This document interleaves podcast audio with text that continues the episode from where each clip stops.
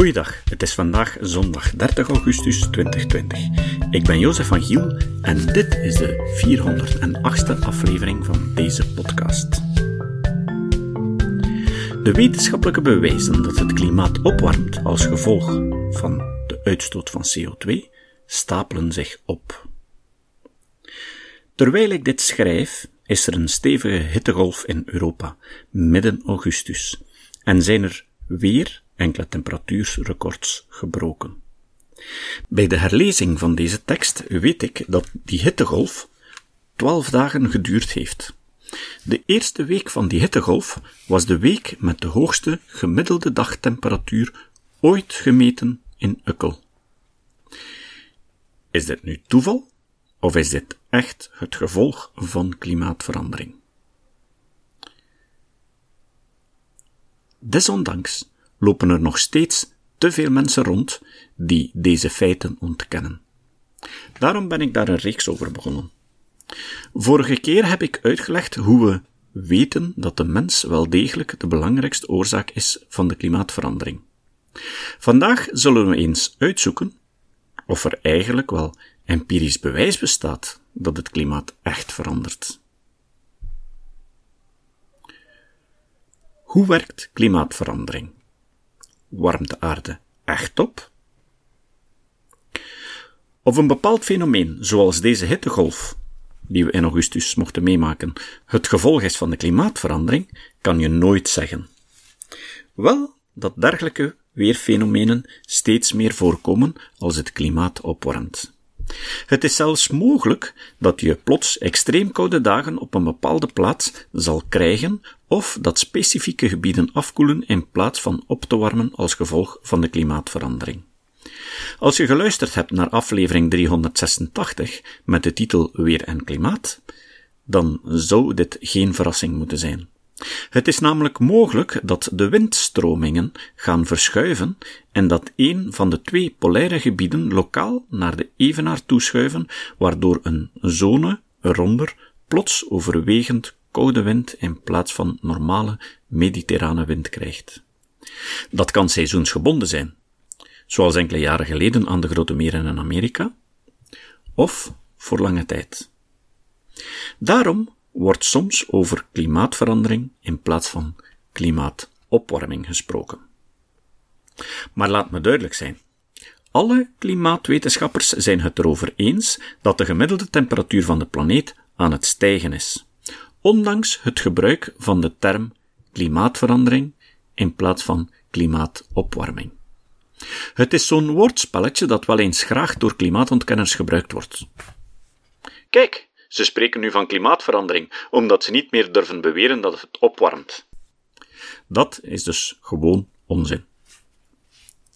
Maar in België en Nederland is het klimaat alvast duidelijk aan het opwarmen. Je moet er maar de website van Frank de Bozere op nagaan. Hij houdt prachtige statistieken bij van gelijk welk weerfenomeen dat je je kan bedenken en hoe dat fenomeen sinds het begin van de waarnemingen in 1833 verloopt. Ik raad jullie echt aan om zijn website eens te bezoeken. En neem er gelijk welke uit. Het evolueert op zo'n manier zoals je zou verwachten als het klimaat opwarmt. De gemiddelde jaartemperatuur in Ukkel, de gemiddelde temperatuur in de lente, het aantal ijsdagen per jaar, het aantal sneeuwdagen, het aantal droge periodes. De warmste dag van het jaar. De drie records sinds 1833 zijn vorig jaar, dit jaar en 2009. Gelijkaardige statistieken kan je vinden over zowat gelijk welk fenomeen op aarde. Op de notitiepagina vind je een link naar een wereldkaart dat deze verschijnselen voor de hele aarde oplijst. Kies een plaats op de wereld en je kan een lijstje zien van extreme weerfenomenen die daar plaatsvonden en die door klimaatverandering worden versterkt. Een korte bloemlezing. Op enkele uitzonderingen na zijn alle gletsjers over gans de wereld aan het verdwijnen. Ik heb het persoonlijk gezien in het zuiden van Chili, in Glacier Park in Canada, de Vatnajökull in IJsland, de Rhone gletsjer in de Alpen. Die heb ik als klein kind nog gezien, toen hij veel groter was, Ik heb hem dus zelf zien krimpen. Ik sprak daar al over in een vorige aflevering. In Canada hebben ze onderweg naar de voet van de gletsjer plakaten gezet met het opschrift Tot hier kwam de gletsjer in 2008. Enzovoort. Het was indrukwekkend om de afstand tussen de bordjes van elk volgend jaar te zien. Dat zijn mijn persoonlijke ervaringen. Maar het verdwijnen van gletsjers is zo alomtegenwoordig dat het erg onwaarschijnlijk is dat gelijk welke luisteraar van deze podcast me kan vertellen dat hij onlangs op reis ging naar een plaats waar een gletsjer aan het groeien was. Maar onmogelijk is het niet natuurlijk. Gisteren zag ik een foto van een vriendin op Facebook op reis in Noorwegen aan de voet van een terugtrekkende gletsjer. Voor een algemeen overzicht dat beter wetenschappelijk onderbouwd is dan mijn persoonlijke ervaring, heb ik een link op de notitiepagina gezet naar een artikel op Carbon Brief, dat de menselijke impact op gletsjers bespreekt. Er wordt wel eens beweerd dat het ijs op Antarctica aan het groeien is. Hoewel er lang discussie over was, is er nu een brede consensus dat het ijs over Antarctica in het algemeen aan het verminderen is, zowel op zee als op het land. Enkel in het oostelijke deel van Antarctica lijkt het landijs stabiel te blijven, maar in alle andere gebieden vermindert het. Het is natuurlijk niet zo dat al het ijs van Antarctica binnen tien jaar weg is. Dat komt van Jan Jacobs, die ons graag wil doen geloven dat de klimaatwetenschappers dat beweren. Maar dat is niet waar. Het is ook interessant om te weten dat als het ijs op Antarctica wel toenam, dat niet zou betekenen dat de klimaatverandering een mythe was. Integendeel. Door de globale stijging van de temperatuur krijg je meer verdamping van water, waardoor de lucht vochtiger wordt en er daardoor meer neerslag valt.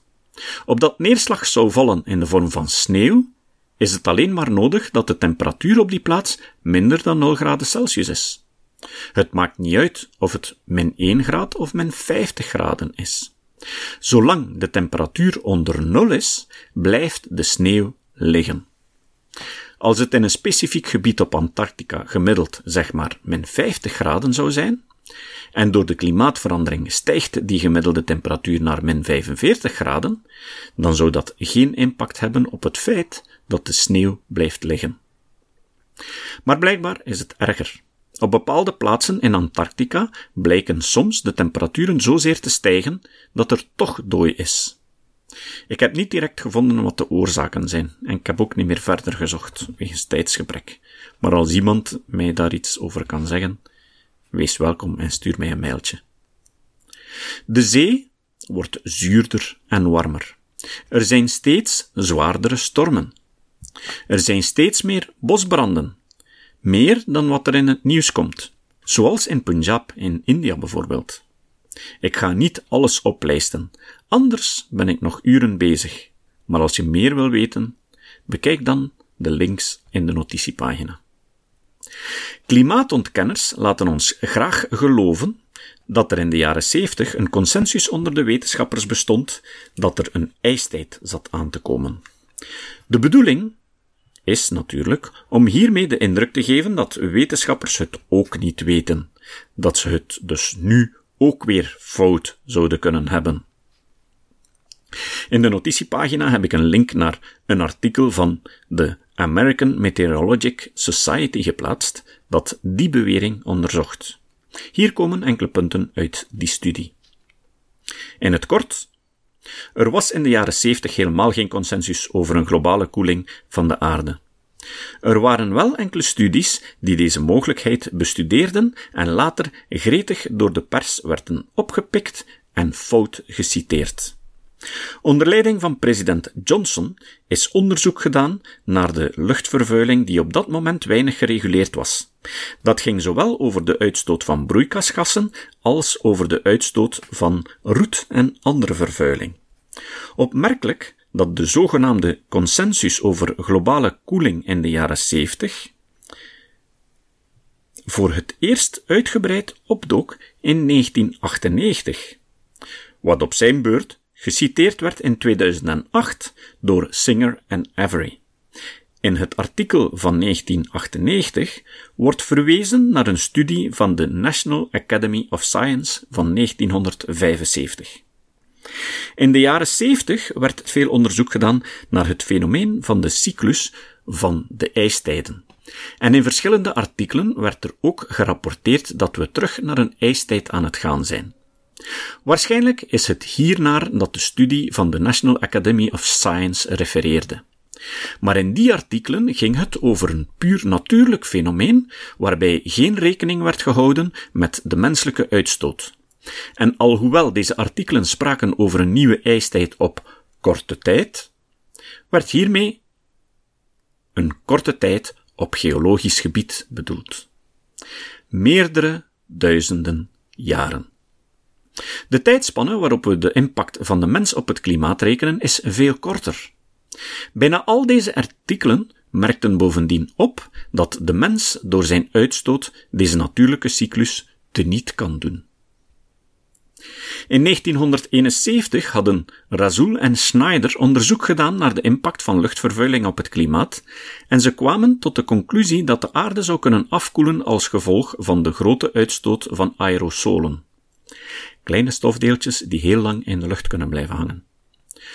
Het artikel werd in de wetenschappelijke wereld snel bekritiseerd omdat deze onderzoekers in hun modellen de impact van stof hadden overschat en deze van CO2 onderschat. Bovendien waren de auteurs er zichzelf van bewust dat deze zwakke punten in hun artikel zaten. Het doel van het artikel lag trouwens eerder in een eerste exploratie en een oproep om verder vervolgonderzoek te doen dan in het poneren van een conclusie. Dit artikel is het meest geciteerde en vooral fout geciteerde artikel waarna de artikelen verwijzen die door de klimaatontkenners gretig gebruikt worden.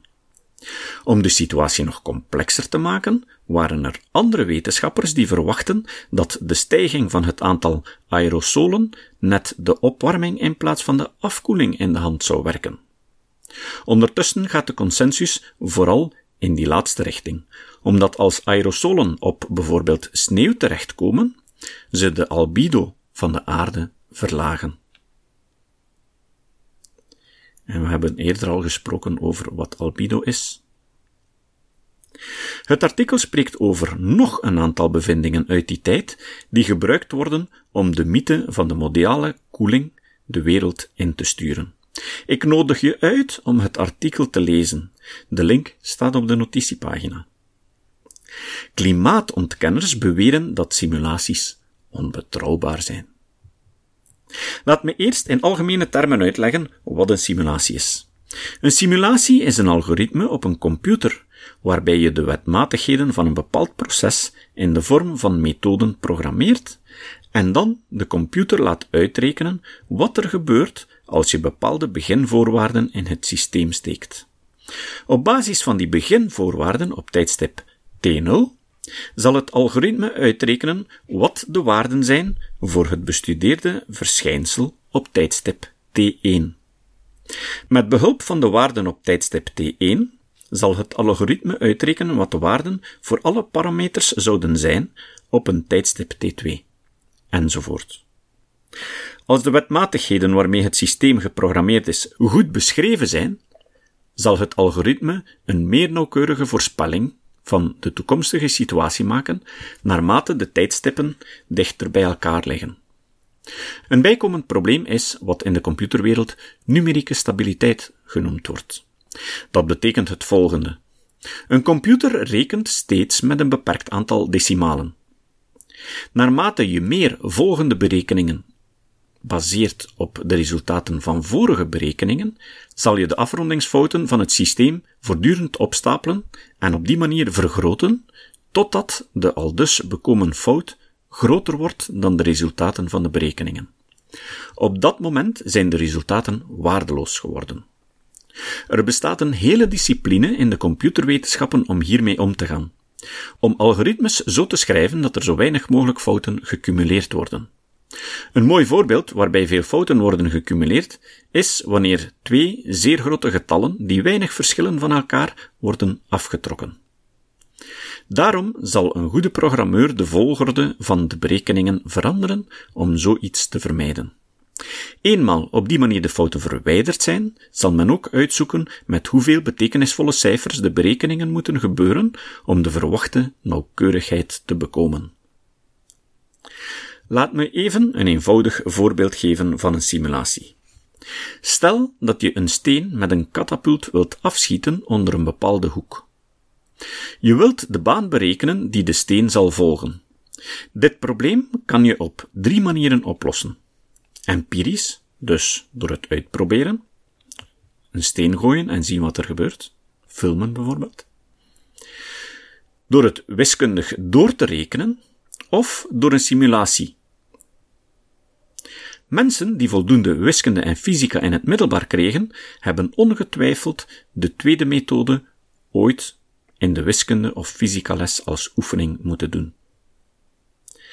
Je kent de startsnelheid en de hoek waarmee de steen wordt afgeschoten.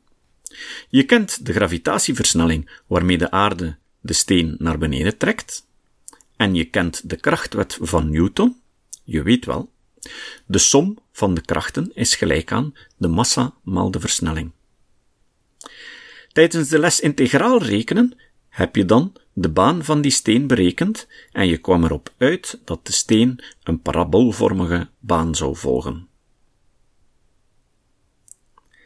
Nu kan je dat probleem ook oplossen door een programma te schrijven waarin je een methode schrijft waarin je met behulp van de wet van Newton de snelheid, positie en richting van de steen berekent op tijdstip t1 op basis van de snelheid, positie en richting en massa van de steen op tijdstip t0.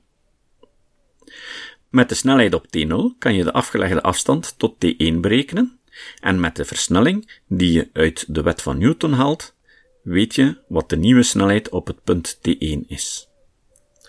Je laat het algoritme lopen en je zet de achtereenvolgende berekende posities van de steen op een grafiek. Bij je eerste berekening zal je waarschijnlijk iets bekomen dat lijkt op een driehoek. Maar naarmate je de intervallen tussen de verschillende tijdstippen kleiner maakt, zal je zien dat jouw simulatie steeds meer en meer op de parabool gaat lijken die we eerder wiskundig berekenden. Als je beter wil begrijpen hoe het werkt, ik heb een simulatie in de vorm van een Excel-document in de notitiepagina gestoken. Speel er maar een keer mee. En je kan van boven de parameter die de tijd tussen de tijdsintervallen aangeeft, aanpassen, zodat je ziet wat er gebeurt. Maar, wat hebben we dan gewonnen met een simulatie ten opzichte van een wiskundige berekening? Terwijl dat die wiskundige berekening toch altijd wel nauwkeuriger is, want die is oneindig nauwkeurig. In ons voorbeeld hebben we geen rekening gehouden met de weerstand van de lucht en met mogelijke wind die de beweging beïnvloedt. Als we daar wel rekening mee willen houden, dan zal de berekening van de wiskundige afleiding complexer en moeilijker worden. En als we echt heel veel parameters in rekening willen houden, wordt het onmogelijk om nog een wiskundige afleiding te maken. Maar niet zo met een simulatie.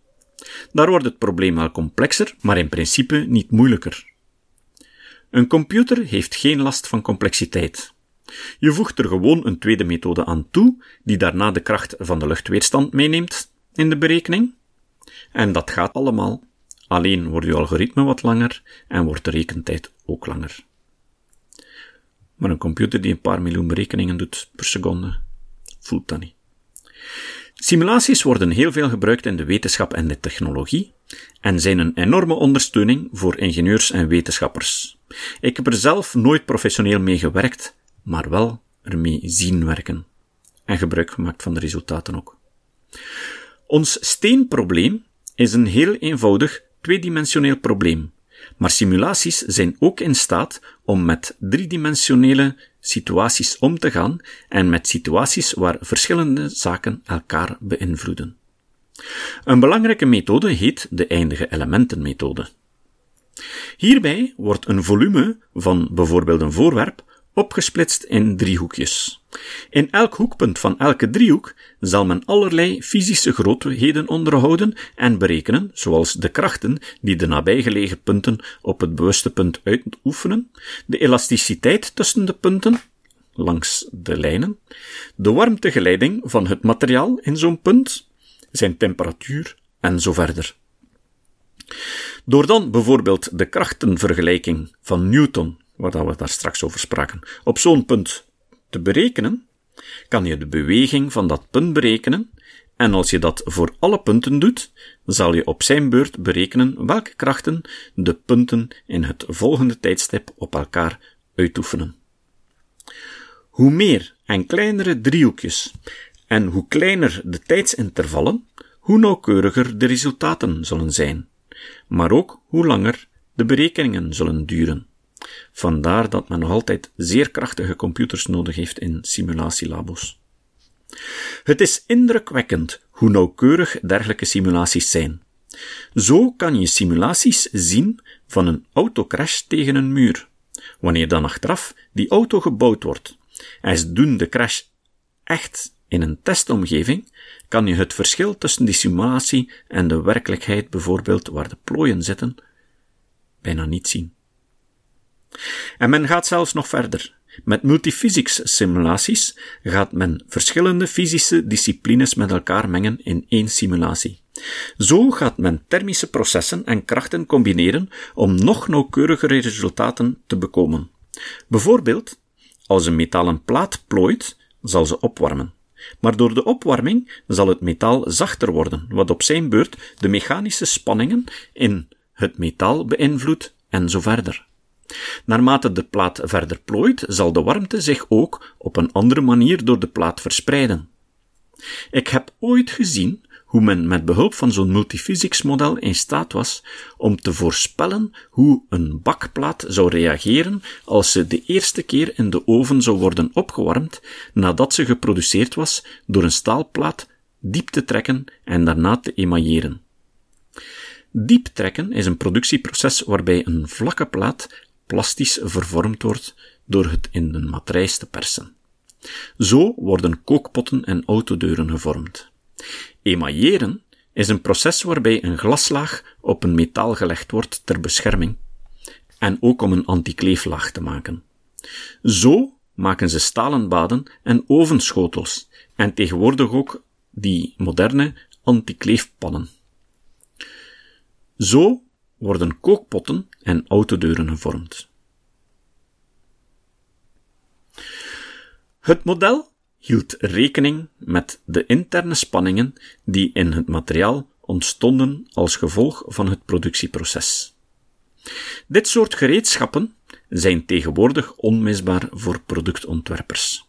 En de volledige landing van de Marszonde Curiosity is uitgewerkt met behulp van simulaties.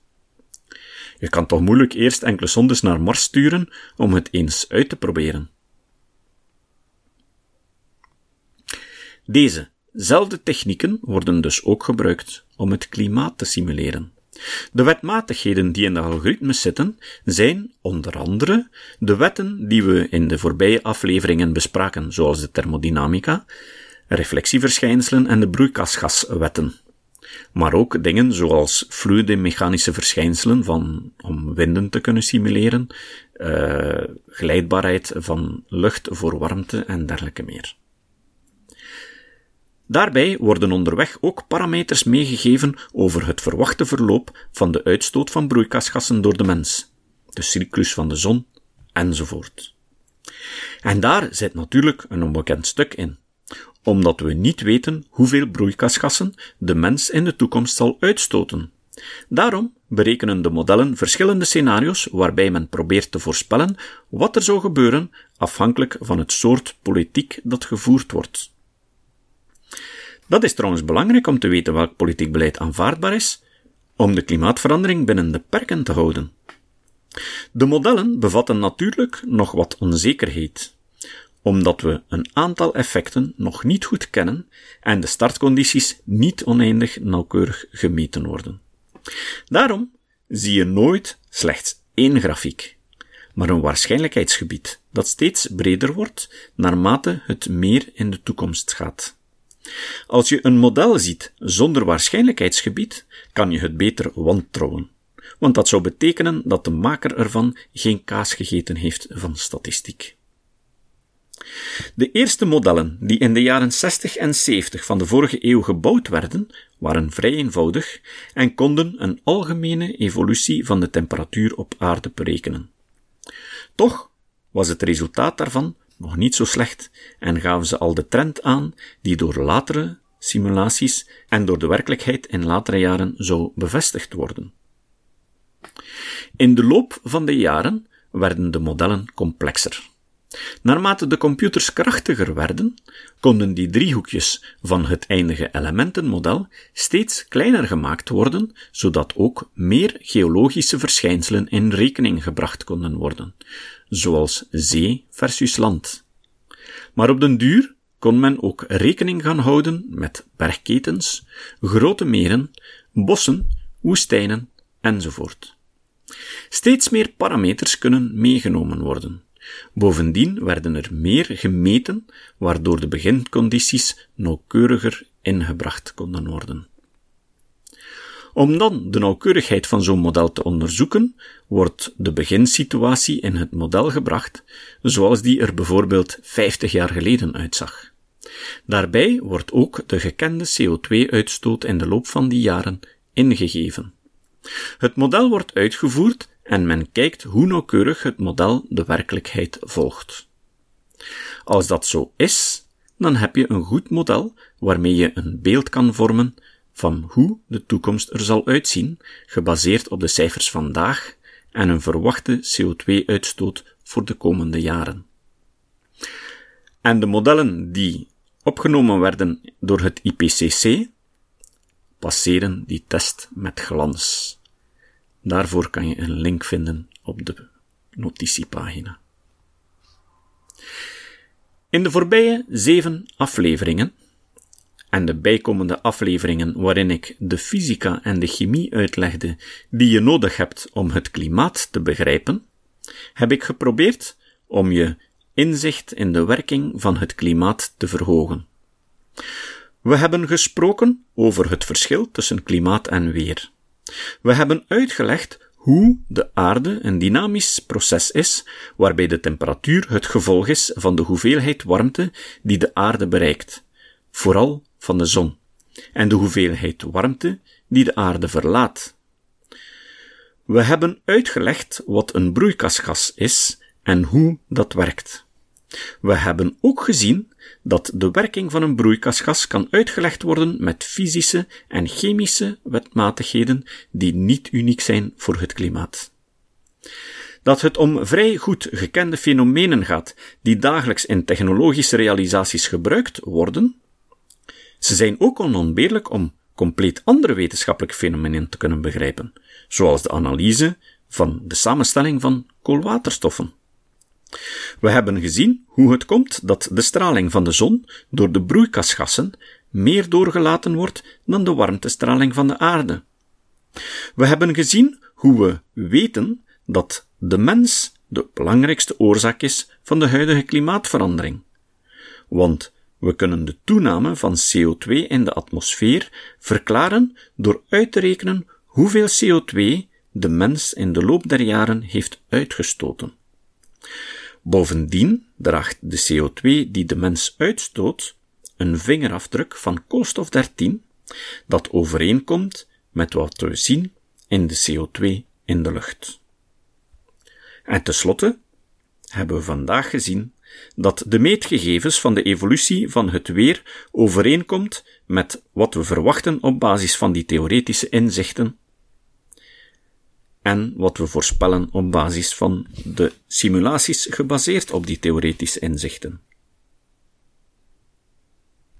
In aflevering 17 van deze podcast uit 2009, een van de eerste afleveringen, over gegevensvrije en gegevensrijke discussie, heb ik uitgelegd wat het scheermes van Ockham is. Het is een belangrijk gereedschap in de gereedschapskist van de scepticus en van de wetenschapper. Het scheermes van Ockham zegt dat wanneer je twee hypothesen hebt om een verschijnsel te verklaren, je die met de minste aannames moet kiezen. Als je goed geluisterd hebt naar deze reeks, dan kan je niet anders dan concluderen dat wanneer je het scheermes van Occam toepast op het klimaat, je alleen maar kan concluderen dat het klimaat aan het veranderen is als gevolg van menselijke activiteit. We zijn deze reeks begonnen omdat ik het moe was om steeds weer beweringen van Jan Jacobs onderuit te halen.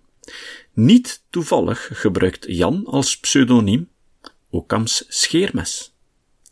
Maar zoals jullie nu begrijpen, is dat onterecht. Jan moet allerlei aannames doen om zijn standpunt kracht bij te zetten. Hij moet aannemen dat de manier waarop de wetenschap het broeikaseffect begrijpt fout of onvolledig is. Hij moet een alternatieve uitleg vinden voor de huidige opwarming van de aarde en de stijging van het aantal extreme weerfenomenen. Hij moet uitleggen waar al die CO2 die de mens uitgestoten heeft naartoe is als het niet de CO2 is die we in de atmosfeer hebben gevonden. Hij moet uitleggen waarom de waarnemingen wel blijken overeen te komen met wat de klimaatmodellen geven, die op hun beurt gebaseerd zijn op de fysische wetten die het broeikaseffect verklaren. Maar dat doet Jan niet. In plaats daarvan doet hij aan kersen plukken. We kunnen niet anders dan concluderen dat Jan niet begrijpt hoe het scheermes van Occam werkt. En tenslotte nog dit. Ik gebruik regelmatig het woord klimaatontkenner. Deze mensen zouden liever hebben dat we ze klimaatskeptici noemen. Maar dat is te veel eer voor hun standpunten. Als je dat woord gebruikt, zeggen ze dan graag dat ze het klimaat niet ontkennen. Maar het woord klimaatontkenner is eigenlijk een samentrekking van mensen die ontkennen dat het klimaat verandert door menselijke activiteit. Dat is een hele mond vol om telkens opnieuw te schrijven, en daarom gebruiken we kortweg klimaatontkenner. In het Engels gebruiken ze climate change denier, wat veel korter is, maar in het Nederlands bekt het niet. Zo. Volgende keer gaan we na of er iets te doen valt tegen klimaatverandering. En we gaan die keer niet tegen de schenen schoppen van de klimaatontkenners, maar van een andere groep. Het citaat. Het citaat van vandaag komt van Frank de Bozere. Iedereen in Vlaanderen kent hem uiteraard, maar voor de Nederlandse luisteraars, dat is ongeveer drie vierden van mijn publiek,